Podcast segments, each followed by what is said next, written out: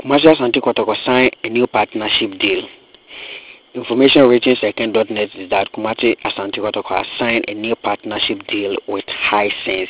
In a press statement released, we are delighted to announce a partnership with Hisense for the next three seasons, beginning with the 2020-2021 season.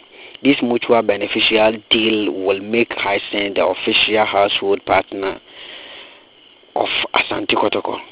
And as always, this partnership was agreed with our cherished fans in mind, which is why we will entreat our fans to patronize the quality high sense electrical gadgets and appliances in their numbers. Fabulous, Eric Amwaku Chum, commercial manager. So this information coming from Kumasi Asante Kotoko to all the numerous fans all over the world. They have signed a new partnership deal with Hisense. So go and buy or go and purchase Hisense products uh, for, for the club so to get money.